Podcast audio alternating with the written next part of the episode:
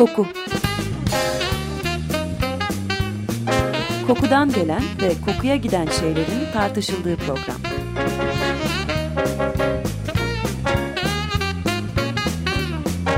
Hazırlayan ve sunan Vedat Ozan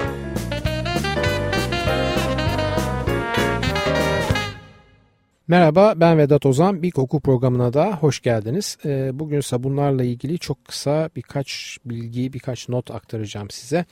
Ve bu aktarımı da e, Açık Radyo dinleyicisi Sayın Leyla Derya Hanım'la sabunlar üzerine yapmış olduğumuz bir söyleşi takip edecek. E, sabunun kökenleri tarih öncesi çağlara kadar tabiatıyla gidiyor. Yaşamak için su elzem olduğuna göre atalarımızın yerleşimleri de hep suya yakın yerlerde olmuş. Ya bir akarsu ya bir deniz kenarı ya da bir yeraltı kaynağının yanı yöresine yerleşmişiz. Su sadece içmek için işe yaramamış elbette. Eli ayağı çamurlanan, kirlenen e, ilkel atalarımız suyun temizleme özelliğinden de oldukça fazla faydalanmışlar. Ancak sabuna benzer bir maddenin kullanım örneklerine çok daha geç tarihlerde rastlanmış. Babil kenti kazılarında kil kaplar içinde sabuna benzer bir takım maddeler görülmüş. Bu kil kapların önce 2800 yılına ait olduğu tahmin ediliyor. Bu kapların içinde ayrıca bir takım reçete benzeri tarifler de bulunmuş. E, bu tariflerde belirtildiğine göre yağlarla küller beraber kaynatılırmış ki aslında en temel haliyle bir sabun formülü bu şekilde ortaya çıkar. Ancak sonuçta ortaya çıkan müstahzarın temizlik için kullanıldığına dair bir bilgi yok. Bilinen o zamanlarda bu formülün saçlara şekil vermek için kullanıldığı. Mısır'da bulunan Eber papirüsünde ise ki bu papirüsten aromaterapi anlattığım ilk programda biraz bahsetmiştim. E, hayvani ve bitkisel yağların tuzla bir araya getirilerek hem temizlenme hem de cilt hastalıklarına karşı kullanıldığından bahsediliyor. Eski Yunan'da sabun kullanımı bildiğimiz anlamda yok. E, Yunanlar kil bloklar, kum, pomza tozları ve küller sürünüp bir de bunun üstüne yağlanırlarmış. Daha sonra da metal bir alet vasıtasıyla böyle spatula gibi kullanarak bu karışımı ve bu karışımı karışımın tabii emmiş olduğu vücut kirini ciltlerinden kazırlarmış. Giysilerinde akan suda ve elbette sabunsuz temizlerlermiş. E, sabunun e, İngilizce ismi olan soap e, Söylentiye göre adını Roma döneminde Sapo Dağı, Monte Sapo'dan almış. Bu dağ aynı zamanda adak kurbanlarının kesilip yakıldığı yermiş. E, yağan yağmurla bu dağdan sızan hayvan yağı ve o yanmış ateşlerden kalan odun külleri Tiber Nehri kenarındaki kirli toprakla birleşirmiş. E, tabii ki bu Romalı kadınlar da çok kısa sürede bu doğal karışımı bulmuşlar ve bunun temizleme işlemlerini çok daha çabuk ve etkin gerçekleştirdiğini görmüşler. E, Roma İmparatorluğu geliştikçe banyo adeti de beraberinde bir gelişim göstermiş. E, Roma hamamları hem temizlenme yeri hem de sosyal buluşma mekanlarına dönüşmüş. Milattan sonra 2. yüzyılda ünlü alim Galen yani hani şu galenik olan her şeye ismini veren muhterem hamamlarda sabun kullanımını hem temizlik hem de tıbbi tedavi amaçlarıyla önermiş Romalılara. E, 467 yılında Roma İmparatorluğu'nun çöküşüyle beraber banyo alışkanlıkları maalesef sona ermiş. Bu dönem Avrupa için tek kelimeyle pislik yılları. Kişisel temizliğin ihmali ve toplumsal alanların pisliği bildiğiniz gibi orta çağdaki pek çok ölümcül salgın hastalığında sebebi. 17. yüzyıla kadar yıkanma adeti günlük yaşama tekrar yerleşememiş. Ancak mesela Avrupa'da bu pislik hüküm sürerken Asya kıtasında Japonlarda banyo yapmak günlük bir alışkanlıkmış. Ee, Avrupa'nın kuzey ucundaki İzlanda'da ise sıcak kaynak sularıyla ısıtılmış göletler cumartesi akşamları buluşma yeri olarak kullanılırmış. Bu Nordik muhteremlerin o buz gibi havada ne kadar ısıtılırsa ısıtılsın elbette hala buz gibi olan göletlerde cıbıl cıbıl ve şabada şubada eğlendiklerini düşünürseniz bu yıkanma seremonisini takip eden olası ateşli döneminde e, ilk Saturday Night Fever deyiminin orijini olduğunu varsayabiliriz diyorum ben. Efendim 17. yüzyılda sabun imalatı bir zanaat olarak kabul edilmiş ve loncalar kurularak gizli reçeteler elden ele dolaşmaya başlamış. Sadece vücudu temizlemek için değil tıraş olmak veya giysileri yıkamak için de pek çok farklı sabun tipi gelişmiş o dönemlerde. İtalya, İspanya ve Fransa elbette sahip oldukları zeytin ağaçları ve zeytinyağları sebebiyle sabunculuğunda önderleri oluvermişler.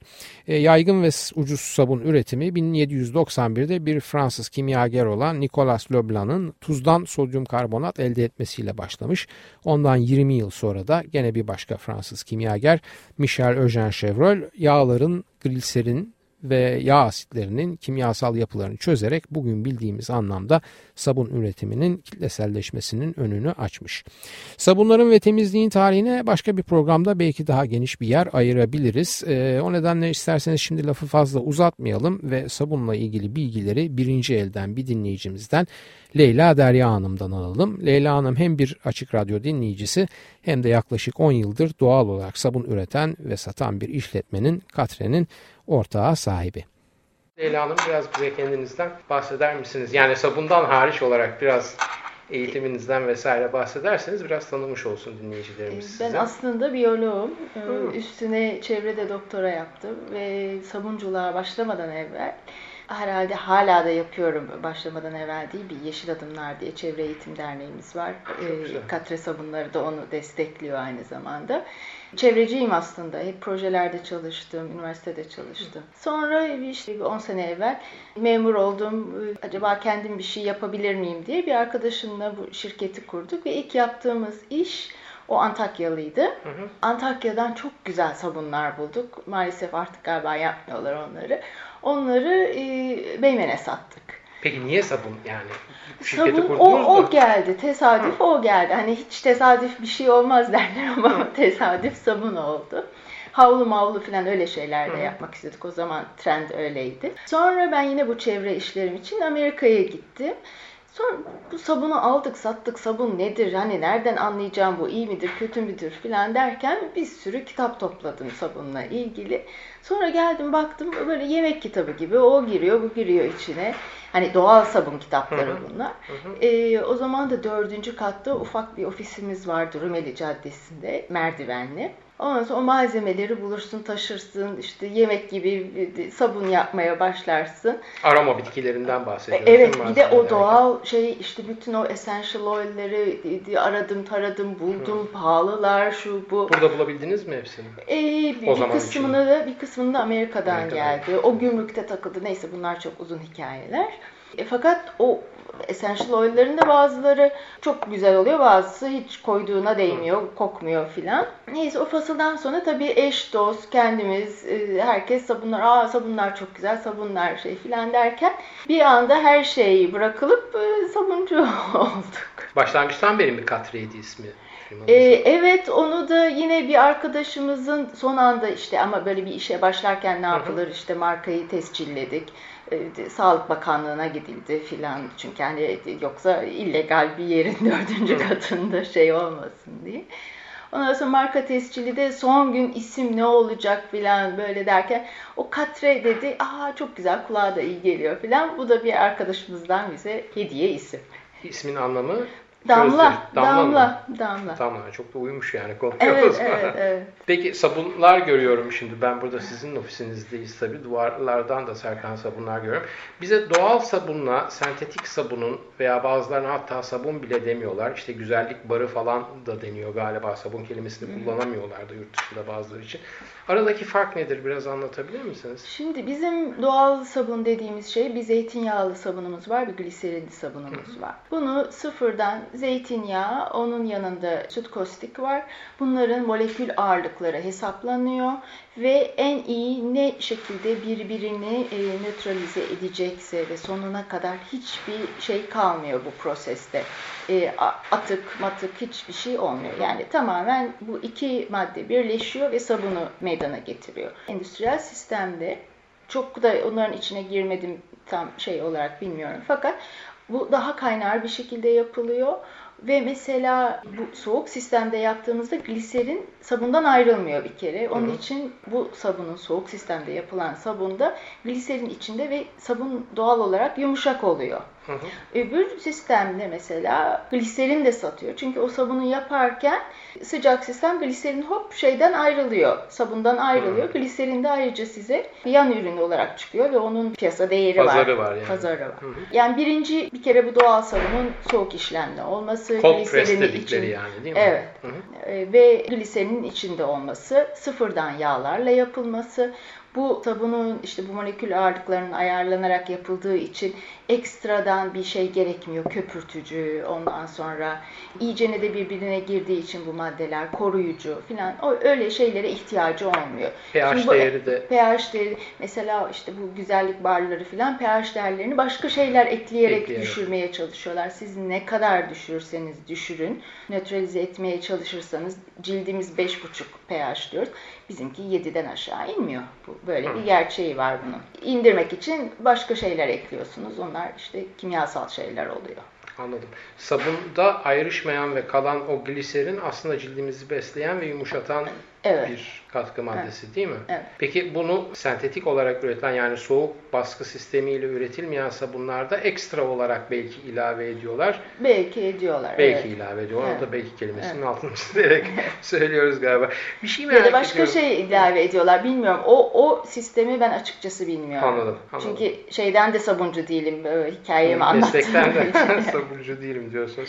Peki bu sıvı sabunlar var. Pek çok ofislerde şimdi daha hijyen olduğu için daha sağlıklı olduğu düşünülüyor. Yani işte pek çok insanın elinin değmediği bir şeyden damlatarak alıyorsunuz vesaire. Ama o sıvı sabunlar da tabii ki doğal olarak üretilmiş sabunlar Doğal değil. üretebilirsiniz. Üretebilir ama. misiniz? Üretebilirsiniz. Bizim bu katı sabunlarda sodyum e, hidroksit var.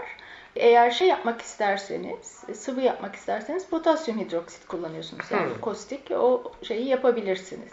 Mesela Arap sabunu eskiden beri yapılan bir sabundur. O da yağla yapılır. Aslında doğal bir şeydir. Yani bildiğimiz, bizim çocukluğumuzda hı bildiğimiz. Arap sabunu. Poşetlerde satılır bu naylon poşetler. E, Arap sabununun biraz daha şeyi sıvı sabun olabilir.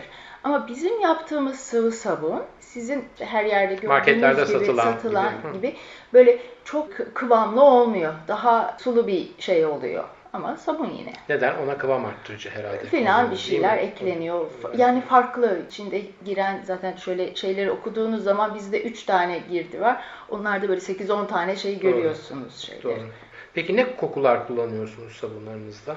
Valla ilk başta işte çok e, titiz bir biçimde essential oil'lerle başladık. Çok pahalı. Ondan sonra bir de müşteri de bu ne kokuyor yani o mu var içinde filan. Çünkü çok az kokusu çıkıyor. Çok miktarda kullandığınız zaman inanılmaz bir maliyet pahalı, çıkıyor. Tabii. Sonra yavaş yavaş işte başka istekler geliyor. Diyor ki ben deniz koklamak istiyorum. Hmm. Deniz eyvah deniz kokusunu biz nereden ne yapacağız? Ancak sentetik oluşturabilirsiniz. Evet. Onu o zaman bu sefer şeyleri bulduk. Ee, bu bunları üreten firmaları bulduk. Ondan sonra siz nasıl şey yapıyorsunuz? İşte biz doğal yapıyoruz ama size işte daha uygun ne bileyim ben bergamot e, yağının e, kilosu 300 bin lira e, buna özdeş bir şey aldığınız zaman işte 60 lira 90 lira öyle bir şeye de alabiliyorsunuz. Ondan sonra ve de sonuç olarak özdeş olan daha kalıcı, kalıcı ve daha güzel çıkıyor. Yıkandığımız zaman da bizi şey yapmıyorsa diyorum e, zarar, bir, zarar vermiyorsa onu öyle yapıyoruz ama hala kullandığımız essential oil'ler var. Lavanta, lavanta. Lavantayı kullanıyorsunuz. Lavantayı kullanıyoruz portakalı kullanıyoruz, hı hı. ada çayını kullanıyoruz, biberiyeyi kullanıyoruz. Tek tek mi kullanıyorsunuz yoksa bunlardan böyle bir kompozisyon yapıp da kullandığınız Kompozisyon oluyor? çok şey oluyor. Aşağı yukarı 38-40 çeşit sabunumuz hı. var. Size aslında göstermedim gösterdim. Web sitenizde ben gördüm bir takım hmm. ürünleri. Web sitenizin de adresi katrenatural.com diye tekrarlayalım. Hmm. Merak eden dinleyicilerimiz de girer bakarlar. Ee, bu kadar çok çeşit olunca ben mesela sedirle portakalı karıştırmaya bayılıyorum. Hı hı. Ama onu yani ya bir broşür yapıyorsunuz ya bir şey yapıyorsunuz bu kadar çok çeşidi şey olarak tutamıyoruz. Herkesin de alıştığı böyle bir yalın bir şey var öyle gidiyor. Aslında kalsa tabii karışımlardan çok şey çıkabilir. Ama şimdilik böyle bir çizgimiz var. Hatta işte bunları böyle ayırdık. Meyveler, çiçekler, adaçayı, biberiye gibi. En çok hangisi tercih ediliyor? En çok hangileri tercih ediliyor veya? En çok hangileri? Kış vakti mesela herkes tarçın aslında biraz şey seven çok seviyor, sevmeyen bu her şeyi kokutuyor ve çok ağır diyor. E, kışın ama tarçın çok seviliyor. Itır seviliyor. Vanilyanın e, ayrı şeyleri var, müdavimleri. E, portakal, bir tane yeşil limon var. Lime, On, yeşil limon. Evet, ondan sonra tam lime da değil, o da şey e, üretilmiş bir şey ama Anladım. hakikaten çok Hı. güzel. E, bergamot, narenciyeler hepsi. Hı hı. Yasemin, Ee, Yasemin hala seviliyor. seviliyor. Çünkü çok yaygın olduğu için yani Evet. herkes çok her tarafta duymuş Hala falan ama Yasemin'i gibidir. seviyor. Anladım. Misk soran var mı mesela? Veya Var. Hatta şey yaptı e, biri bir de bize talep geliyor tabii onu istiyorum bunu istiyorum diye. Miski de yaptık. Hı. Ondan sonra ve onu hatta Almanya'ya ihraç ettik. Hı. Ama ondan sonra başka miski verdiklerimiz şey yapmadı. Ama bu ne kadar hoş değişik bir şey demedi. Şeyler paçuli, sandal filan onlar e, seviliyor. Onlar da tabii sentetik değil mi? Yani çünkü Onlar onlara yaklaşmak bile kolay değil Evet, yanlarında evet, fiyatlarına. evet, evet. Peki bir de bu Marsilya sabunu vardır hep duyarım ben. Bu konuda bir bilginiz. Marsilya sabunu zeytinyağı sabunu. Zeytinyağı sabunu eski tip öyle yere serilir de iple kesilir falan gibi Evet, bir sabun alır. evet, Doğal evet. bir sabun mudur o da? E, e, öyle olmalıdır. Ama şimdi nasıl yapılıyor bilmiyorum. Yani aslında onlar da hep şey yapıyorlar. Bizdeki eski e, işte Ayvalık, Edremit bölgesi filan. Çok Onlar da orada mesela sorduğum zaman böyle kocaman kazanlar var. O kazanın altı ısınıyor e, ve e, ısıtarak yapıyorlar. Yani geleneksel evet, geleneksel şey yöntem hep bunu ısıtarak yapmak. Anladım. Peki bir de şunu merak ediyorum. Bir gene koku kimyasalları üreticisiyle sohbet ederken e, kokuların kalıcılığından bahsediyorduk ve şeye geldik. Yani kokuların genelde kalıcı olması istenir falan gibi bir şey söyledim ben. Hayır dedi öyle bir şey istenmez. Çünkü bazı ürünler vardır ki bunlarda kokunun bilhassa kalıcı olmaması beklenir. E, nedir bu? İşte vücut jeli, sabun olabilir. Bunlarda kokunun kalıcı olmaması istenir. Çünkü onun üzerine işte ne bileyim banyodan, duştan çıktıktan sonra üzerine süreceği parfümle e, karışmasını istemez gibi bir şey söyledi. Gene aynı şekilde mesela bulaşık deterjanları içinde kimse yani yıkarken portakal kokması insanların hoşuna gider ama temiz bir bardağı aldığınızda öyle kalmış portakal kokusu hiç de hoş kokmaz diye. Siz bunu nasıl dengeliyorsunuz? Yani sabununuzun kokusu yıkanıldıktan sonra tende kalacak bir şekilde midir yoksa sadece o yıkanma anındaki ferahlığı mı sağlar? Yıkama anında ferahlık. Zaten e, bu hiçbir şey de koymuyoruz biz. Fiksatör falan da koymuyoruz. Hı. Onun için mesela narenciye kokuları e, çabuk, çabuk uçuyor. E, tarçın 3 senede geçse geçmiyor. Yani her kokunun kendine göre bir şeyi var, e, ömrü var. Ondan sonra her kokunun kendine göre yıkanırken bir e, şey dağılımı var. E, hepsi farklı farklı davranıyor şeylerin, kokuları. E, ama bizde öyle buram buram e, çıktıktan sonra hani üstüne yapışacak bir, zaten olmuyor yani böyle bir şey. Olanlar sentetik olarak bir şekilde mi elde ediyorlar onu? Çünkü bazı parfüm markalarının işte ne bileyim ben böyle şey dönemlerinde işte vücut losyonu, sabunu, parfümü beraber falan satılan bir takım şeyler vardır. Onların sabunları çok kuvvetli kalır. Herhalde onları bir şekilde manipüle ediyorlar kokuyu kalması için. Muhtemelen yine o konularda çok şeyim olmadığı için. Anladım. İmalatı burada, Burada mı yapıyorsunuz? Burada Maçka'da bir dairedeyiz. Burada imalatı yapıyorsunuz. İçeri girdiğimde zaten çok hoş bir sabun kokusu vardı. Peki bu kokuyla devamlı yaşamak nasıl bir şey? Biraz köreltici bir şey ki ben hakikaten şey ko- koku yani e, severim. Hani herkese şey.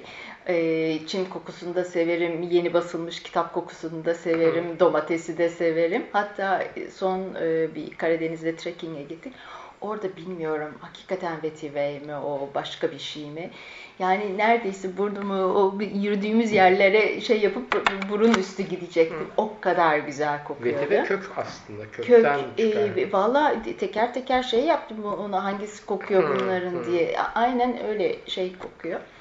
Bizde olup olmadığı da belli değil ama o baktım şeyden dereceleri uyuyor Karadeniz'de Verçenik'in e, Verçenik etrafında Hı hı. orada aşağıda çok su geçiyor. Hı hı. Belki hakikaten o da vetiver çünkü inanılmaz ko- kokuyordu. Yani ya, kokulara hassasım fakat bazen işte e, şeylerin etiketi değişiyor filan karışıyor bir şey oluyor. Sonra o sabunu kokluyorum. 10 senedir neredeyse yaptığımız sabun hangisi olduğunu şey yapamıyorum. Burun Hafızam e, tamamen karıştırıyor. Peki Onun için bu baş kadar ağrısı falan gibi şey- bir şey yapıyor mu? Baş ağrısı yapmıyor. Baş ağrısı yapmıyor ve de duymuyoruz artık. Biz Artık duymuyoruz. duymuyoruz. Dışarıdan gelen aa burası ne Evet, güzel öyle kokuyor. Hatta gösterdim. şey e, daha binanın girişinden kokuyor filan diye şey yapıyorlar. E çünkü bir yandan yapılıyor bir yandan kuruyor sabunlar filan böyle bir şey var burada. Müşterileriniz genellikle ülke içi, ülke dışı. Ülke dışı da var, ülke içi de var. Ülke dışında hangi ülkeler daha çok ilgi Ee, gösteriyor? Almanya var, şimdi e, İsviçre'den biri var. Bir de otellere yapıyoruz. Oradan böyle bir sürü şey geliyor. Otellere derken odalarda sundukları sabunlardan evet, bahsediyorsunuz. evet. Anladım.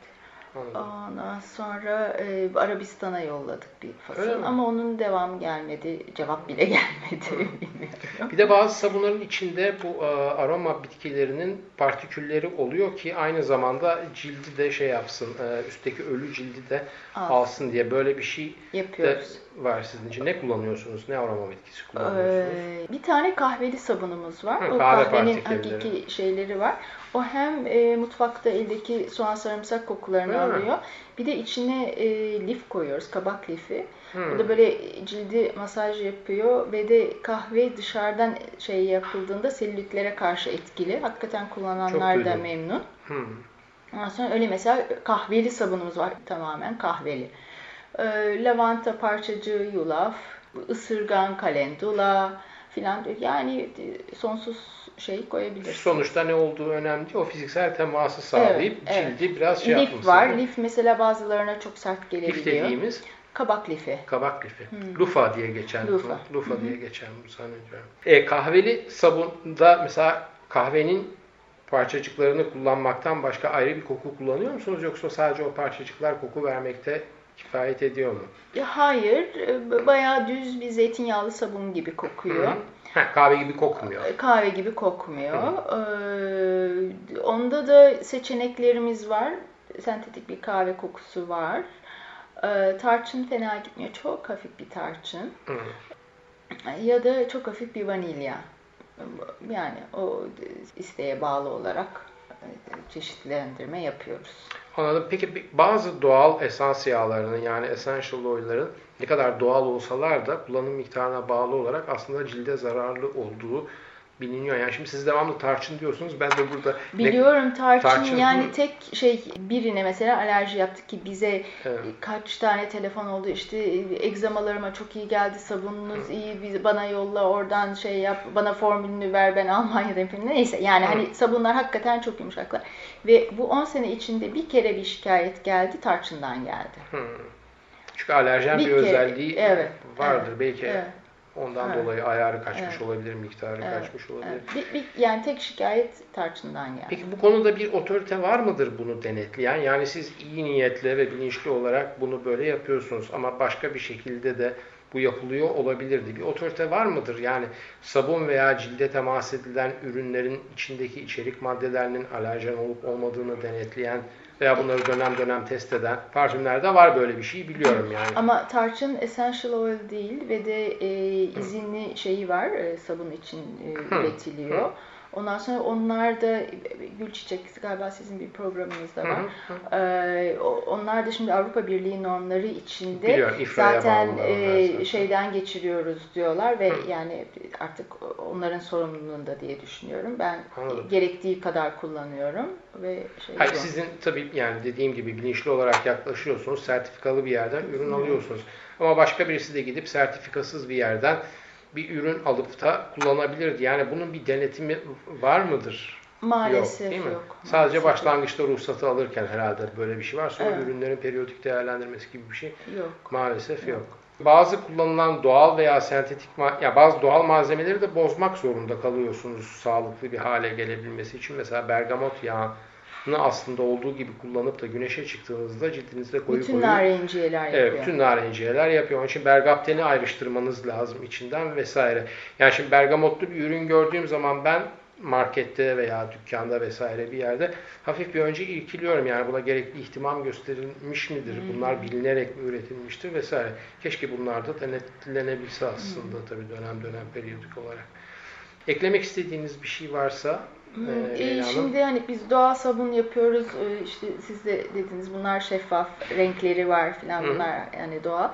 E, doğada renk var hani bu, bu çok şey. E, kullandığımız renklerde işte mesela fuksin var. Fuksin antiseptik özelliği var. E, hepsi ecza şeylerinde kullanılıyor. Yani e, doğal olan her şeyin çok renksiz, çok kokusuz ve e, şey olması gerekmiyor. Böyle bir ön yargı olması ön yargı gerekmiyor. olması gerekmiyor. Onun dışında e, ön yargılılar için tabii tamamen işte zeytinyağı kül kullanmıyoruz onu dediğim gibi. Bebekler için bile kullanılan şeyler var. Hiç kokusuz e, ve renksiz ürünler var. Bu işin aslı külle başlamış ama galiba değil E, mi? tesadüfi olarak işte bir yerde kül var, bir yerde e, hayvan yağı Hayvan var. yağı var. Onlar e, bir birleş, birleşmiş Evet, ondan sonra şey olmuş.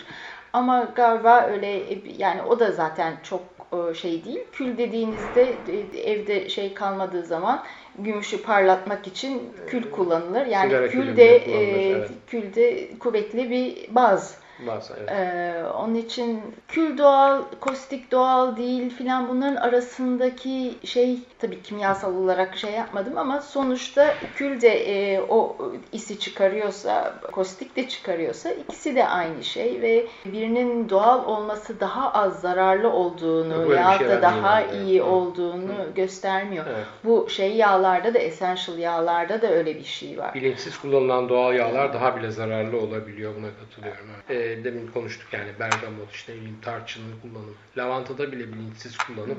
Çünkü sonuçta bir zamanlar dişçilerde diş uyuşturmakta falan karanfil yağını vesaire kullanırlarmış. Demek ki uyuşturucu bir özelliği Evet. var. Onun da kullanımına dikkat etmek lazım. Çok teşekkür ediyorum bize vakit ayırdığınız için. Ben Ee, teşekkür ederim. Dinleyicimiz Leyla Derya Hanım'a hem programımıza göstermiş olduğu ilgi hem de ayırmış olduğu vakit ve bu kısa ama hoş söyleşi için tekrar teşekkür ediyorum.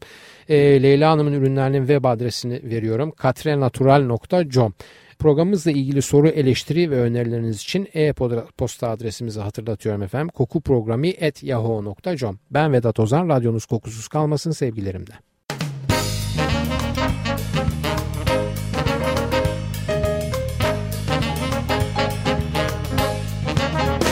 Koku Kokudan gelen ve kokuya giden şeylerin tartışıldığı program.